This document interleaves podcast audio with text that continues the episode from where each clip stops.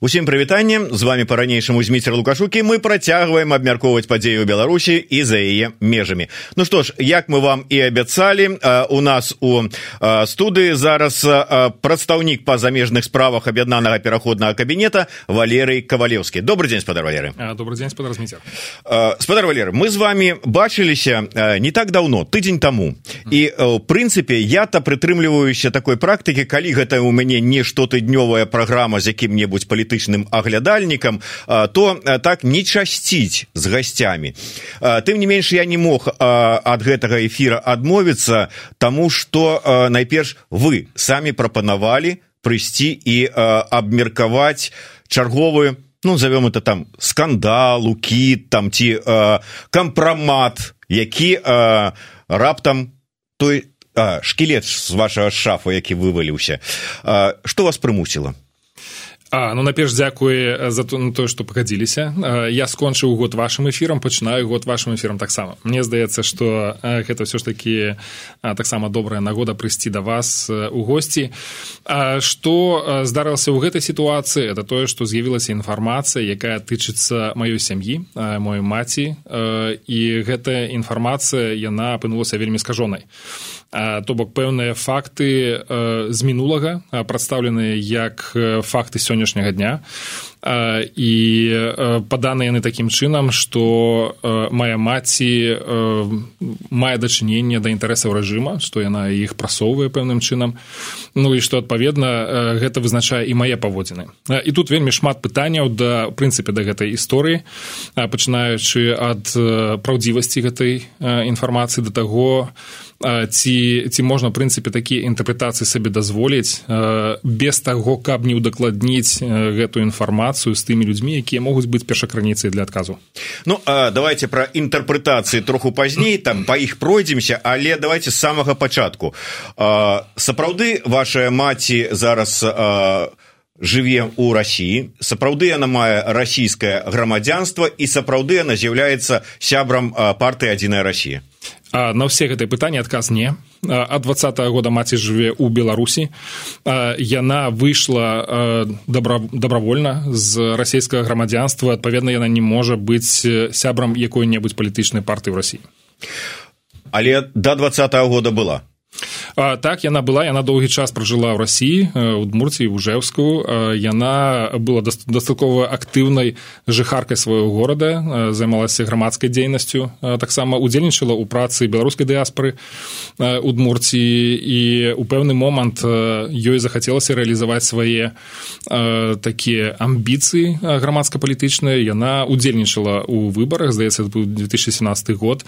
Адзначу што яна не перамагла на тых выбарах што яна яна не прайшла на іх. То бок таксама можна паставіць пытанне як так што яна там нібыта карысталася нейкай значнай падтрымкай тым не менш на гэтых выбарах не прайшла.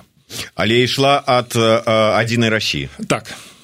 А як так атрымалася? Ввогуле для мяне вельмі дзіўна. Вы ж паляшук.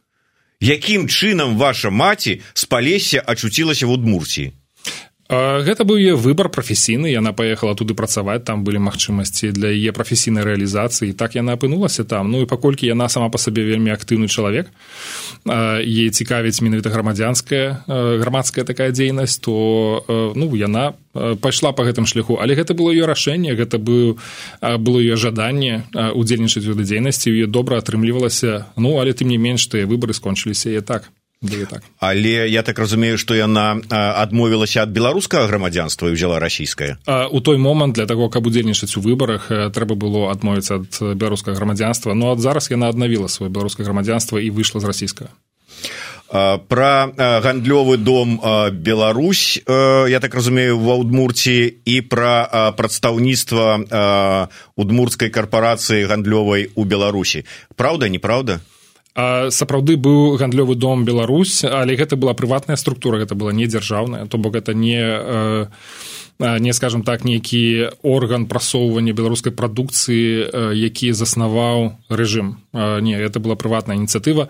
Ну і тут яна з'яўляецца прадстаўніком таким свабодным агентам по апрасоўванні прадукцыі якая робіцца ў удмурці Такім чынам атрымліваецца, што з два -го года ну пасля двадцатого года с Россией увогуле і судмурты судмурцей у, у прыватнасці ваша маці нічого не звязвае Ну яна працуе над пытаннямі у, у сферы бізнеса. Гэта тое што з'яўляецца яе прафесіяй тое чым яна зарабляе сабе на жыццё.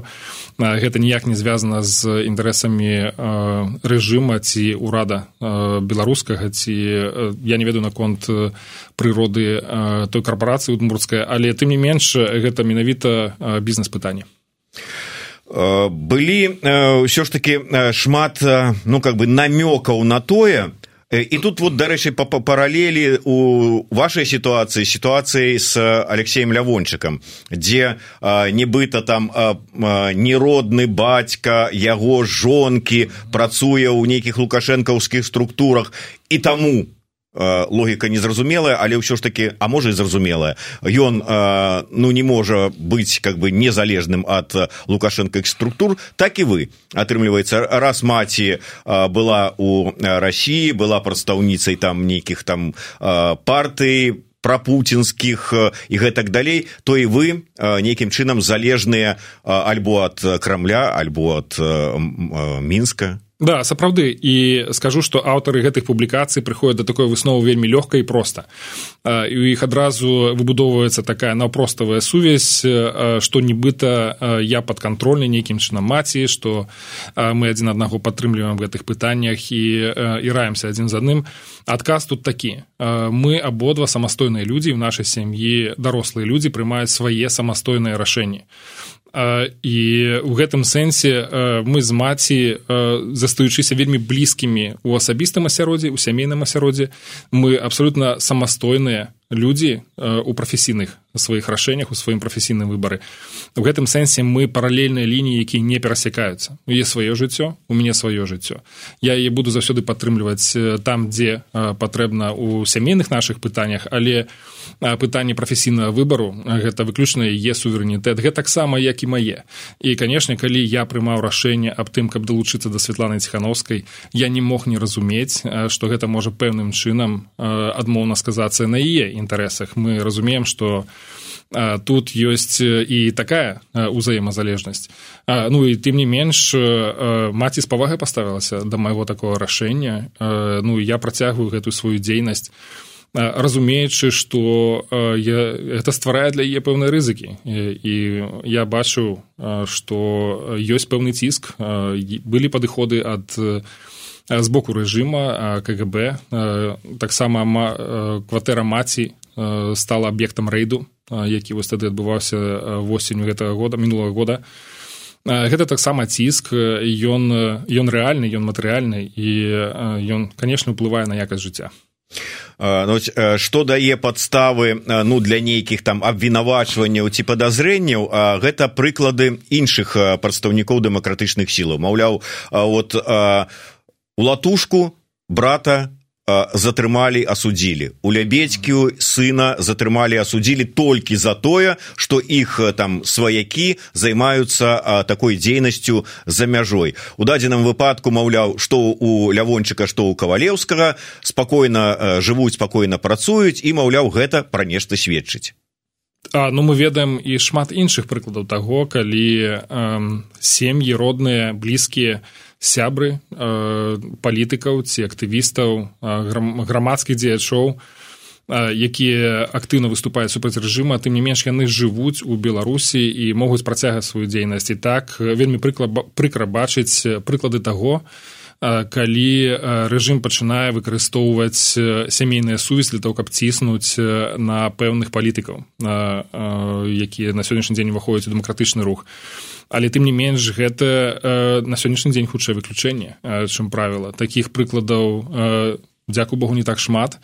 Але тым не менш мы разумеем што ўсё гэта стварае пэўныя рызыкі. Я могу сказаць што вось гэтая серыя публікацый ужо некалькі дзён якая ідзе у медыа не ў медыа насамрэч а ў тэлеграм-каналах пэўных людзей яна таксама вельмі безадказная таму што яна выстаўляе у гэтым выпадку маю маці у вельмі складанай сітуацыі. І яна стварае новыя рызыкі і новыя магчымасці для ціску на яе Ну может быть люди сабе поставілі мэту ачысціць шыхты дэмакратычных сілаў беларусы беларусі ад всякихх там агентуры маргенезу каньсерваў якія там яшчэ там тэрміны ўжываюцца ну вот і да вас чарга дайшла я не супраць таго каб актывісты ці медыя займаліся гэтай працай. Сапраўды мы павінны разумець хто прадстаўляе беларусаў у публічнай прасторы хто гаворыць ад імя беларусаў і ў гэтым сэнсе я гатовы адказваць на любыя пытанні. Праблема з гэтай канкрэтнай сітуацыі это тое што яны пайшлі за за маёй маці як чальцо маёй сям'і не ўдакладніўшы вельмі сур'ёзныя факты. Яны пайшлі па шляху інтэрпрэтацый і скажэнняў якія выбудоўваюць абсалютна новую карціну. Я таксама пэўны час назіраў за гэтым з, з такой пэўнай цікавасцю там куды гэта пойдзе далей і якія будуць новыя аргументы. І было жаданне не рэагаваць на гэта каб проста не карміць гэтых тролей. Але у пэўны момант ты пачынаеш чытаць пра гэтага чалавека і ты бачыш абсалютна іншую карціну іншы іншы партрэт чалавека якім ты не з'яўляешься і я для себе зразумеў что многія людзі якія не ведаюць мяне асабіста не ведаюць маю біяграфіі не ведаюць мою асабістую асабісты бок майго жыцця могуць прыйсці да высновы што гэта інфармацыя праўдзівая а это тотальная абсалютная і безадказная хлусня людзей якія просто абалгалі маю маці і яны стварылі новыя умовы новыя рызыкі для яе. Ну і канешне яны такім чынам таксама кідаюць цень на дэмакратычны рух на мяне як прадстаўніка кабінета які адчольвае Святлана ціхановская. І тут я магу прыйсці да высновы што гэтых людзей не цікавіць праўда не цікавяць факты а цікавіць магчымасць аслабіць дэмакратычны рух аслабіць аб'яднаны пераходны кабінет ну і адпаведна Святлана ціхановскую. Ну сапраўды вот я выбачаюся што я цытую гэтыя каналы але тым не менш вот я читаю а Мать Ковалевского занимается своей основной деятельностью – лоббированием интересов А. Лукашенко в России. Людмила Ковалевская – часть мафии Лукашенко, внедренной в Россию. Это целая система номенклатурной российской коррупции на связях с Беларусью. Ее сын – часть той же мафии А. Лукашенко, только внедренной на Запад. Они живут хорошо и с деньгами. Ну і вот у мяне портрет такі малюецца. Ну паспяховага у прынцыпе чалавека жыве на захадзе даўні дронны но з деньгамі нормально сабе жыве. А, так сапраўды я могу сказаць что это вельмі вельмі скажоная э, карціна і скажоны портрет мяне самога. Э, у мне было у жыцці вельмі э, шмат сітуацый выбару. Э, гэты выбор ніколі не быў лёгкім і простым. Э, і э, тым не менш я прыйшоў э, там да таго моманту калі я адмовіўся ад такога вельмі бяспечнага вельмі спакойнага жыцця ў злучаных штатах дзе я мог працаваць на нармальнай працы. І зрабіў я гадзе дзеля таго каб удзельнічаць у у гэтай барацьбе за вызваленне беларусі у вельмі складаных і вельмі няпэўных умовах але тым не менш я веру тое што гэта той самы момант калі мне трэба гэта зрабіць бо гэта тое што да чаго я рыхтаваўся лічыў ўсё сваё жыццё яшчэ я працытую абвінавачванні якія ну ці высновы ці абвінавачванні якія следуюць за от ўсёй той інфармацыі нібыта вот такая інфармацыя і вот глядзіце да якіх высноваў мы прыходзім. Сын члена единой россии ну это мы уже обмерковали тым не менш кулуарно составлял рекомендации для еврокомиссии. Какие карманные организации поддержать во имя демократии в беларуси? Более 100 миллионов были разворованы и ушли в пустоту что вот так вот сапраўды ушли ў пустоту нічога не асела ў кішэнях? Да сапраўды.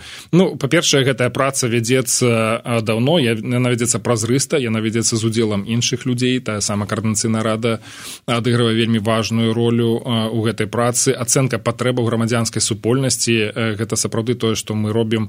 Гэта ўжо будзе трэці год як мы займаемся гэтай працай. І тут мы кажам пра тое як падтрымаць самыя розныя сектары менавіта грамадзянскай супольнасці нават не палітычных структур. Мы кажам пра праваабаронцаў пра медыя пра грамадзянскую супольнасць як такую пра маладзёвы рух і гэтак далей. І мы можам бачыць як на сённяшні дзень развіваецца гэты гэтыя сектары. Колькі насамрэч новых ініцыятыў якія сапраўды могуць выконваць сваю сваю працу дасягаць сваіх мэтаў і гэта робіцца дзякуючы падтрымцы менавіта гэтых структур. Тут я дадам таксама што на сваім узроўні на палітычным узроўні офіс Святланы ціхановскай і аб'яднаны пераходны кабінет увесь час працуюць над тым каб павялічыць аб'ёмы дапамогі для беларуска-дэмакратычнага руху Таму што патрэба насамрэч вельмі значная. Нам супрацьстаіць вельмі сур'ёзная і жорсткая сіла ў выглядзе рэжыму лукашэнкі за спіnou якога стаіць Пуін які падтрымлівае мільярдамі мільярдамі даляраў гэты рэжым. Таму мы адзначаем заўсёды перад нашымі партнёрамі што гэтай падтрымкі недастаткова. Гэтыя лічбы могуць гучаць вельмі ўражвальна для некаторых людзей але насамрэч тыя самыя незалежныя меды гэта адзін з самых рэсурсаёмкіх рэсурсаёмістых накірункаў дзе патрабуюцца вельмі значныя рэсурсы і калі мы параўнаем бюджэты прапаганды лукашэнкаўскай і тое чым карыстаюцца якімі рэсурсамі карыстаюцца незалежныя меды беларусі то гэтае параўнанне адназначна будзе не на карысць незалежных медыя яшчэ один пункт просто не магу абысці увагай з 2020 года товарищ занимается санкцыямі цікавы зварот товарищ ну видно вот Ну ладно. Ни один член семьи Лукашенко не пострадал. Удар был нанесен по населению. Беларусь задвинули в объятия Кремля. А, ну вот сапраўды. Ни, ни один э, чалец семьи Лукашенко под санкции, ну, типа, не потрапил. С другого боку, вот э, это допис от э, Дмитрия Балкунца, э, вот с обзором горящим. Э, вот яны форум дэмакратычных сілаў прапановваюць 12 числа правесці акцыю каля літо польскага сейма с патр... ну, с прапановай з заклікам каб польшча высунула лукашэнку патрабаванне альбо вызвалення усіх палітвязняў альбо перакруццё усіх чыгуначных грузаперавозак. Вот это я разумею падыход санкцыі а вы займаеце нейкай фігнёй нават не адзін сябра член сем'і лукашенко под санкцыі не потрапіў. Ну наколькі мне вядома ўсё ж такі і сам лукашенко і яго сям'я потрапілі под санкцыі э, не могу зараз давесці хто гэта зрабіў злучаныя штаты ці еўрапейскі звяз. Тым не менш гэтыя людзі под санкцыямі. По-другое э, мы абсолютно вітаем любыя ініцыятывы по узмацненню ціску на рэжым лукашэнкі для таго у першую чаргу каб вызваліць палітычных зняволеных і спыніць рэпрэсіі у нашай краіне. а так что одно другому не замінае абсалютна і мы пастаянна працуем над тым каб узмацняць гэты ціск я не адзіны чалавек які займаўся санкцыямі ад двадцатого года. Ёсць цэлыя структуры і офіс Святланы ціхановскай і аб'яднаны пераходны кабінет якія над гэтымі пытаннямі працуюць пастаянна і сёння нават на сустрэчах з новымі чальцамі польскага ўраду мы таксама падымалі гэтую тэму казалі про тое што санкцыі неэфектыўныя іх трэба нарошчваць і канешне лукашенко са сваёй сям'ёй со сваімі набліжанымі ні ў якім разе не можа мець ніяка імунітэту. Наадварот гэтыя санкцыі павінны быць найбольш жорсткімі менавіта супраць яго я можа быть апошнюю з гэтых вот прэтэнзій тут ці высноваў працытую і просто пойдзем далей я уже не буду кранаць нават тэму чаму из якіх вот я не ведаю там помслівых помслівасці свайго характара вы не далі добро на правядзенне другога форуму дэмакратычных сілаў у памяшканні ў брусселі угу. А, вот. Але вот а, мне просто вот вельмі вельмі уразила это в двадцать третьем году вся та же группка со светлыми лицами собирается а, наладить продажу сувенирных паспортов колькі плануеце зарабіць на продажы сувенірных пашпартаў мы хацелі б каб гэты проект быў вельмі паспяховым каб сапраўды сотні і мільён сотні тысяч мільёны беларусаў прыйшлі за гэтым пашпартам і каб сапраўды яны ім карысталіся і для практычных мэтаў не толькі як сімвал не толькі як сувенір як як тут адзначана калі гэты пашпарт сапраўды будзе вырашаць праблему беларуса тады беларусы будуць за ім звяртацца. Калі яны павераць у тое што гэта сапраўды добра выбудаваная арганізацыя пашпартны цэнтр які адпавядае правільным стандартам то яны будуць ему верыць і будуць прыходзіць за гэтым пашпартам. Для гэта нам трэба быць сапраўды паспяховым нам трэба выбудаваць сапраўды прафесійны пашпартны цэнтр. І так я б вельмі хацеў каб ад працы гэта пашпартнага цэнтра маглі таксама зарабляць не, не зарабляць а мець магчымасць атрымліваць падтрымку палітычныя структуры. Каб мы маглі мець магчымасць незалежнага фінансавання каб у нас была магчымасць весці праграмную дзейнасць і для гэта сапраўды нам трэба свае крыніцы фінансавання. Мы про гэта гаворым у доўгі час не толькі мы грамадзянская супольнасць і аналітыкі адзначаюць тое што гэтай працы да сённяшняга дня не выбудавана. І так пашпартны праект можа стаць пачаткам такой больш самастойнай больш незалежнай фінансавай палітыкі для кабінета для офіса светланы скановскай для каардынацыйнай рады. Дайте мне ўжо ў прынцыпе как бы з гэтым збольшага ўсё зразумела але што вы плануеце якія высновы Э, зрабілі. Вы асабіста кабінет офіс а, з гэтай ўсёй сітуацыі. Прычым гэта не першая сітуацыя. То вот у вас знайшлі вот а, угу. такую там брудную бялізну сахашчык з яго расійскім паспартам. Я уже не буду прыплетаць лявончык ён прынцыпе не мае адносінаў наўпроставых ні да кабінета ні да офіса але таксама гэтая сітуацыя там. А, пытанне ну пытанне может быть не зусім э, на гэтую тэму але таксама ў працяг. Почему в кабінеце так много бывших служащих на режим азаров сахащик кавалеўскі ну хотя кавалеўскі даўным-даўно сышоў но тым не менш. Вот э, якія высновы высновы такія што нам трэба быць падрыхтаванымі да такіх атак. Высновы такія што я бачу людзей якія нібыта прыпісваюць сябе да дэмакратычнага руху але працуюць супраць яго. Той самы балкунец робіць ну і яго яго каманда ці яго босы яны працуюць не супраць рэжыма яны наўпрост працуюць супраць дэмакратычнага руха дэмакратычных лідараў. Мне цікава было адзін пачытаць адзін з пасылаў пра узлёт маёй кар'еры у мзсе і нібыта гэта быў просто неверагодны нейкі ўзлёт там такого раней ніколі не не адбывалася ў гісторыі я прапрацаваў 8 гадоў у сістэме міністэрства замежных спраў я працаваў у амбасадзе ў злучаных штатах. Я сышоў з у 2006 годзе з пасады дарацы гэта выканаўчая гэта пасада выканаўцы то бок это была нават не кіраўнічая пасада нават не начальнік аддзела я сышоў таму што ў 2006 годзе з лукашенко на мой погляд згубіў цалкам легітымнасці права абірацца а ён сябе абраў на трэці тэрмін таму пры першай магчымасці я сышоў з сістэмы мзс. Я параўнаю гэта з чалавекам які мае наўпроставае дачыненне да балкунца. Гэта валеры цыпкала які правёў прыкладна 8 гадоў у міністэрстве замежных спраў на дыпламатычнай службы трошки больш можа гадоў 10 але ён э, за гэты час прайшоў шлях ад першага намесніка э, міністра замежных спраў быў амбасадарам самым маладым амбасадарам у злучаных штатаў.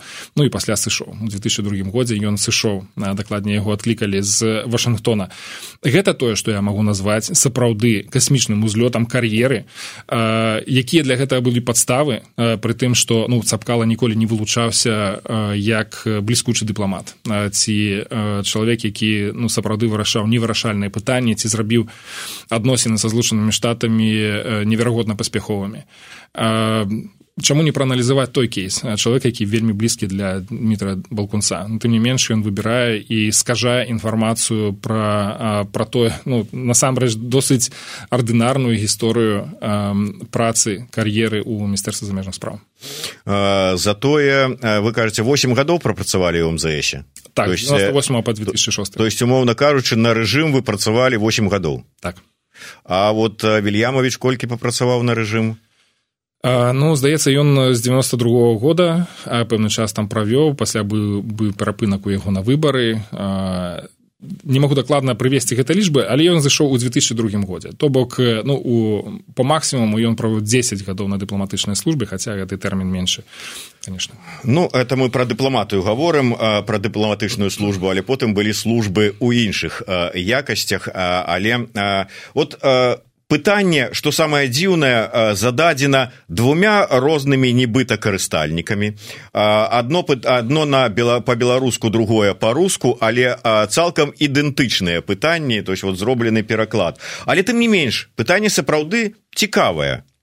Які эфект ад міжнародных паездак ціханаўскай у двадцать третьем годзе? Бо не было ўведзена ні санкцый не ўзбуджана спраў і гэтак далей. Усё ідзе да пацяплення адносін і што з гэтым будзе рабіць кабінет пакажуся з тым што гэта не тыя вынікі на якія мы нацэльваліся і нам хацелася б зрабіць больш канешне і ў плане ціску і ў плане адказнасці рэжыма за злачынствы гэта тое з чым мы б'емся кожны дзень і так ёсць падставы для фрустрацыі разам з тым былі і пэўныя дасягненні мы вывели ўзровень адносінаў з нашымі ключавымі партнёрамі са злучанымі штатамі і з еўрапейскім звязан на новы ўзровень і ніжэй за гэты ўзровень не ўпадзем мы ведаем што нягледзячы нягледзячы на такую кан'юнктуру досыць складаную міжнародную мы зможам вытрымліваць той дыялог узаемадзення з нашымі партнёрамі які нам будзе дазваляць даводзіць інфармацыю наўпрост да іх пра сітуацыю беларусі і дамагацца практычных вынікаў. Мы кажам таксама пра новыя умовы для міграцыйнай дзейнасці мы разумеем што ёсць новыя выклікі сітуацыя не статычная то як мы пачыналі 2023 год як і мы его скончылі гэта былі абсолютно розныя асяроддзі з рознымі з іншымі выклікамі і больш складанымі выклікамі то бок мы таксама эвалюцыянуем мы таксама развіваемся нам таксама трэба знаходзіць новыя рашэнні для новых праблем той самы консульскі указ ад лукашэнкі ён значна пагоршыў умовы для беларусаў для соцен і мільёнаў соцен тысяч мільёнаў беларусаў за мяжой. І гэта таксама для нас новая задача якую мы таксама бярэм сябе на баланс і спрабуем знаходзіць нейкія рашэнні для гэта. То бок штосьці нам атрымалася дасягнуць.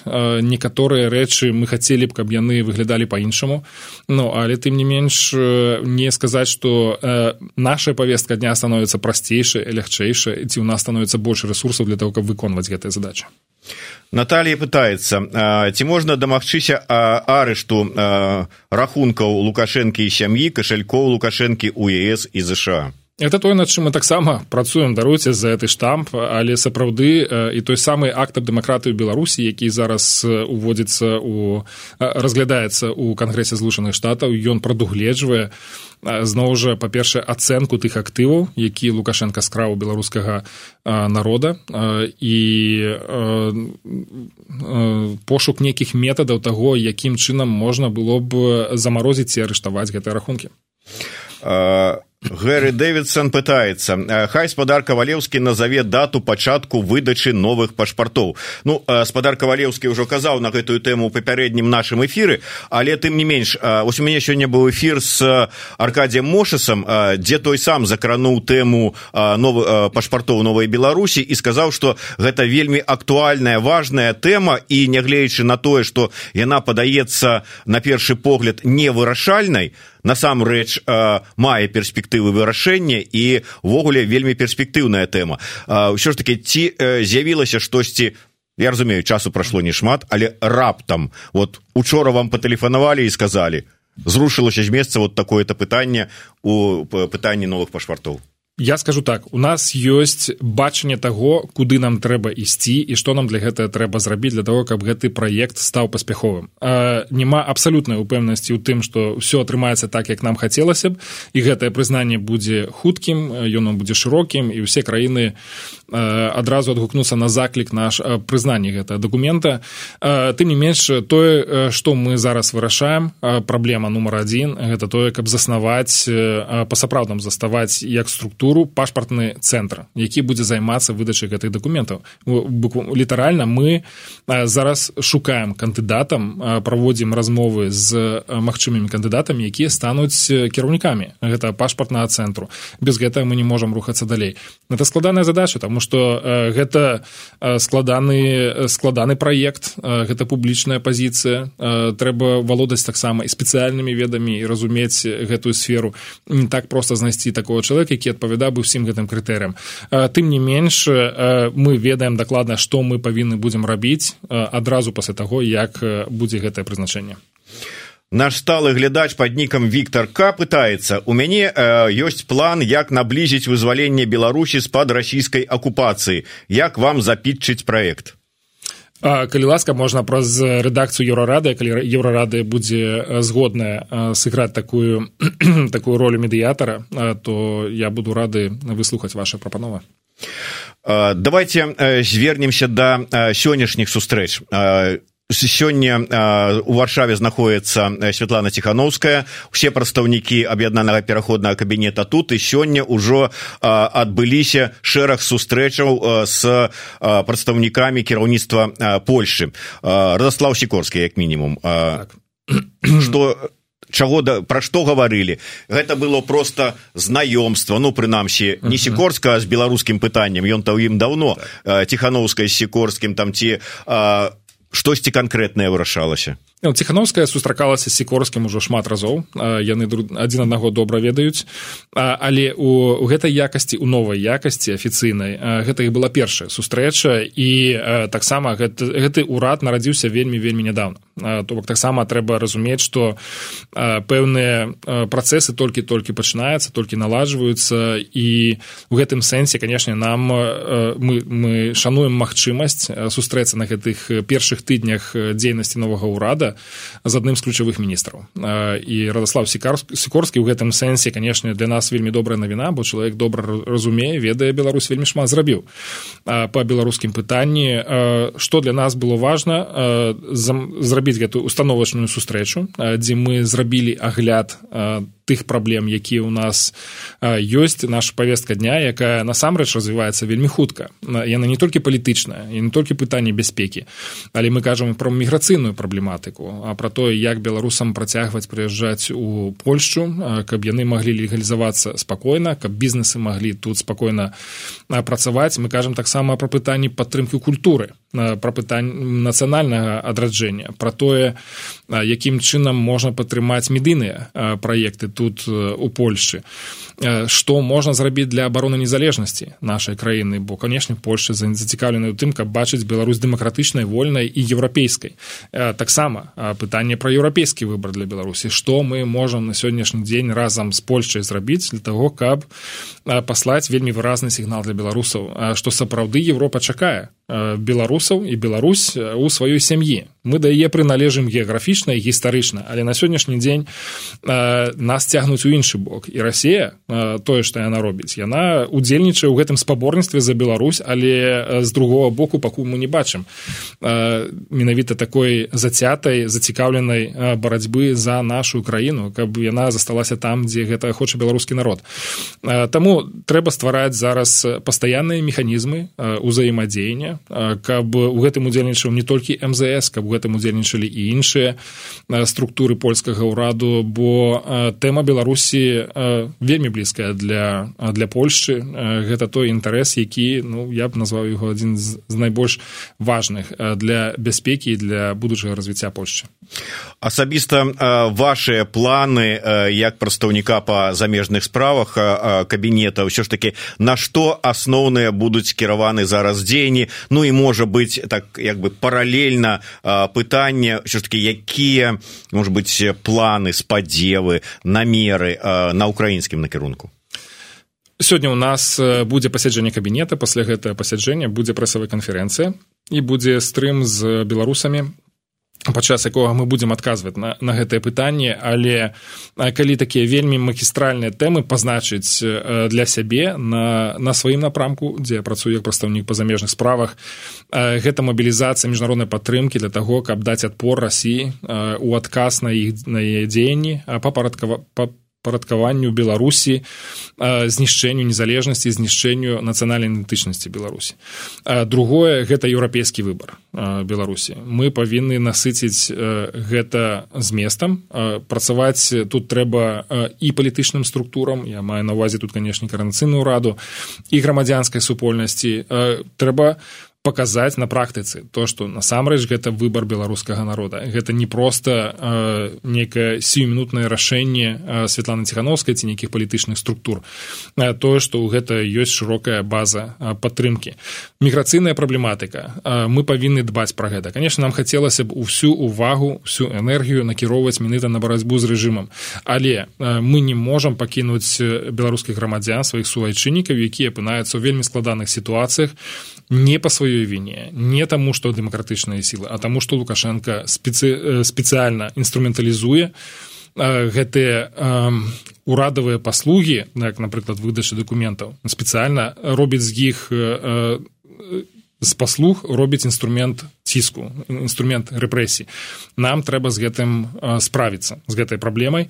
І тут ёсць трек легалізацыі. Мы можемм дапамагаць людзям з легалізацыі. Другое мы можемм дапамагчы ім з беларускім пашпартам які мае такую вельмі вельмі шматгранную значнасць для нашай барацьбы і па дапамозе беларусам але таксама для таго каб сапраўды разбурыць рэжым на такім фундаментальным узроўні. Бо это яны адмовіліся ад выканання сваіх абавязкаў перад людзьмі. Мы можам гэты абавязак выканаць перад беларусамі дарэчы узнімалася гэтае пытанне наколькі яно актуалізуецца зараз у ваших сустрэчах перамовах. Гэта ўсё ж таки атрыманне візаў беларусамі якія знаходзяцца ў беларусі бо вялікія праблемы. А на сітуацыі вот с музыкамі гурта нізкі стала вядома што адзін з музыкаў ось гітарыст калі хацеў ўсё ж таки з'ехаць адчуваючы пераслед меў складанасці з атрыманнем гуманітарнай візы. Вот як гэтае пытанне? Так гэта конечно прыватны кейс які мы сёння не абмяркоўвалі или тым не менш менавіта візавую тэматыку мы пазначылі як просто ну, вырашальна важную для беларусаў. Каб беларусы маглі захоўваць мабільнасць каб яны маглі выязджаць па самых розных прычынах у украіны еўрапейскага звязу і польшчу у прыватнасці. Гэта і пытанне бізнеса гэта і пытанне адукацыі гэта і пытанне пытанне людскіх кантактаў каб вось тыя сем'і якія вымушана апынуліся разарванымі праз рэпрэсіі два года якія цягнуцца да сёння каб яны мелі магчымасць таксама сустракацыі падтрымліваць гэты унутрысямейныя кантакты Таму так гэтая тэма сёння гучала. Мы атрымалі запэўненні што палітыка па выдачы візаў не будзе мяняцца да горша што трэба будзе падтрымаць гэтую палітыку. Але тым не менш мы таксама разумеем што будуць будуць прыватныя сітуацыі які будуць складанымі. І мы таксама са свайго боку будзем старацца стварыць нейкія новыя механізмы якія будуць больш эфектыўнымі вырашэнні такіх праблем. Ну, пытанне з катэгорыі як ціхановская ці кавалеўскія уводзяць санкцыі супраць беларускага рэжыма. Зрабіце безвіз беларусам Да, цудоўная цудоўная ідэя і тут няма ніводна голаса супраць на гэтай ідэі. Але без візы увогуле візавая палітыка заўсёды яна у большасці сітуацыі яна ўсё ж такі на аснове ўзаемнасці. Гэта азначае што калі мы хочам без віз з для беларусаў то павінен быць без віз і для ўсіх еўрапейцаў і так сапраўды пэўны час гэта існавала. Гэта безвіз быў нават для амерыканцаў і для іншых нацый якія маглі прыязджаць у Беларусь до два года. І мы тут бачым што вось гэты прынцып узаемнасці ён не заўсёды абавязковы. То бок урады могуць прымаць свае ўласныя рашэнні. Але на сённяшні дзень асабліва на фоне вайны асабліва на фоне ўдзелу рэжыму лукашэнкі ў вайне супраць украіны у агрэсіі фактычна дамагчыся такога будзе крайне складана. То бок нам трэба вырашыць цэлы шэраг вельмі сур'ёзных праблем. Ну і пажадана вярнуцца дадому і адтуль ужо як легітымны ўрад накіроваць такі запыт да наших партнёраў на захадзе у злучаных штатах ці еўрапейскім звязе дарэчы калі ўсё ж таки пол каліновска будзе праводзіць другую канферэнцыю пра што яны казалі про такія намеры mm. будуць дэмакратычныя сілы кабінет офіс браць удзел больш высокім узроўнем прадстаўніцтва Я думаю, што нам усім трэба будзе значна лепш папрацаваць над другой такой канферэнцыі. можна толькі вітаць намеры пра правядзенне другога заходу з боку ПКК, але той досвед, які быў набыты перад першай канферэнцыі пры яе правядзенні у мінулым годзе. Я думаю што ён будзе для ўсіх вельмі карысным для того каб пазбегнуць нейкіх страты часу страту энергіі і і волі а ўсё ж таки зрабіць гэта яшчэ больш паспяховым мерапрыемствам. Ну і на завяршэнне такое на мяне наштурхнула на тое што эту тэму тоже таксама трэба зак варта закрануць. Пытанне досыць наіўнае пытанне ад антона наивного. Почему офис движется в европу и не ведет диалог с россией? Там ведь тоже есть адекватные люди трек ну я маю зараз уже как бы не расійскі безумоўна але скажем с прадстаўнікамі расійскай апозіцыі ёсць нейкія контакты. Ці ўсё ж таки зразумелі что ну не атрымаецца нейкай такой супрацы Я не магу сказаць, што ў нас няма кантактаў, яны ёсць, але яны спарадычныя. Яны не зусім сістэмныя. І адна з засцярог, якія у нас па-ранейшаму застаюцца, это тое, што дэмакратычныя сілы рассіі, якія вельмі вельмі дэцэнтралізаваныя, вельмі разрознены, вельмі разнастайныя і стракатыя яны дагэтуль не сфармулявалі такую вельмі выразную пазіцыю па тым, як будзе выглядаць знешняя палітыка новай дэмакратычнай рассіі датычна сваіх суседзяў то бок ніхто не заявіў што мы адмаўляемся ад імперыялізма ад каланіялізма. Мы больш не будзем рабіць перадумовай для адносінаў гандлёва-эканамічных то які статус у рускай мовы ёсць у тых ці іншых краінах. Мы не будзем супрадзейнічаць уступленню гэтых краін краін суседзяў у еўрапейскі звязці ў нато. Мы пакідаем цалкам гэта на волю тых народаў з якімі мы хочам супрацоўнічаць.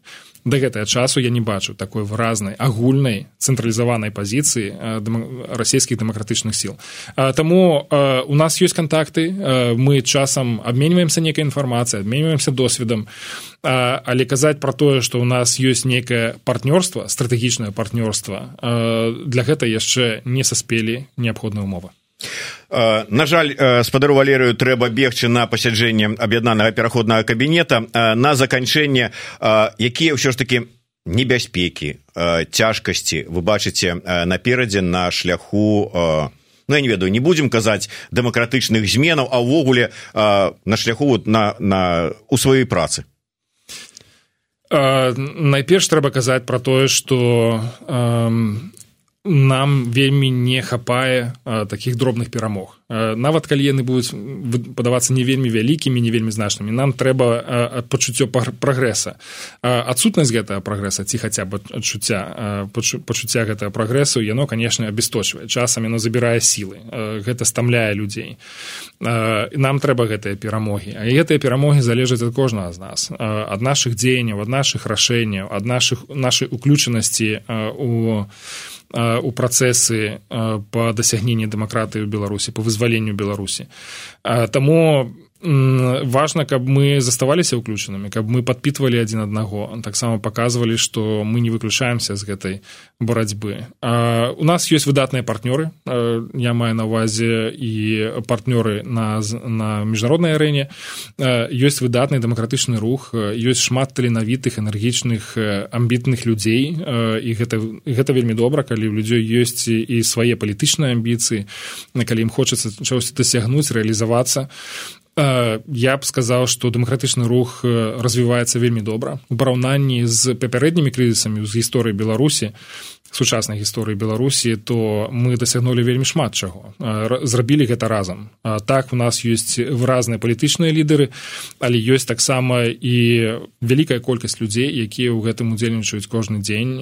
І гэта трэба шанаваць ні ў якім разе не абясцэньваць Ну што ж на жаль у адрозненні скажем ад павла латушкі у якогось 20 розных каналаў у сацыяльных сетках у валерыя кавалеўскага такога няма нават трох а не той что 20 але э, заходзьце на э, старонку ў тэлеграм-канале аб'яднанага пераходнага кабінета і там будзе інфармацыя пра э, дзейнасць э, і валерыя кавалеўскага э, і яго паплечнікаў па кабінеце у тым ліку подписывайтеся э, ну і не забывайте подписываться на youtube канал еўрарады слухайте глядзіце каментуйте расшэрвайте жыве Беларусь. Жыве вечна дзякую вам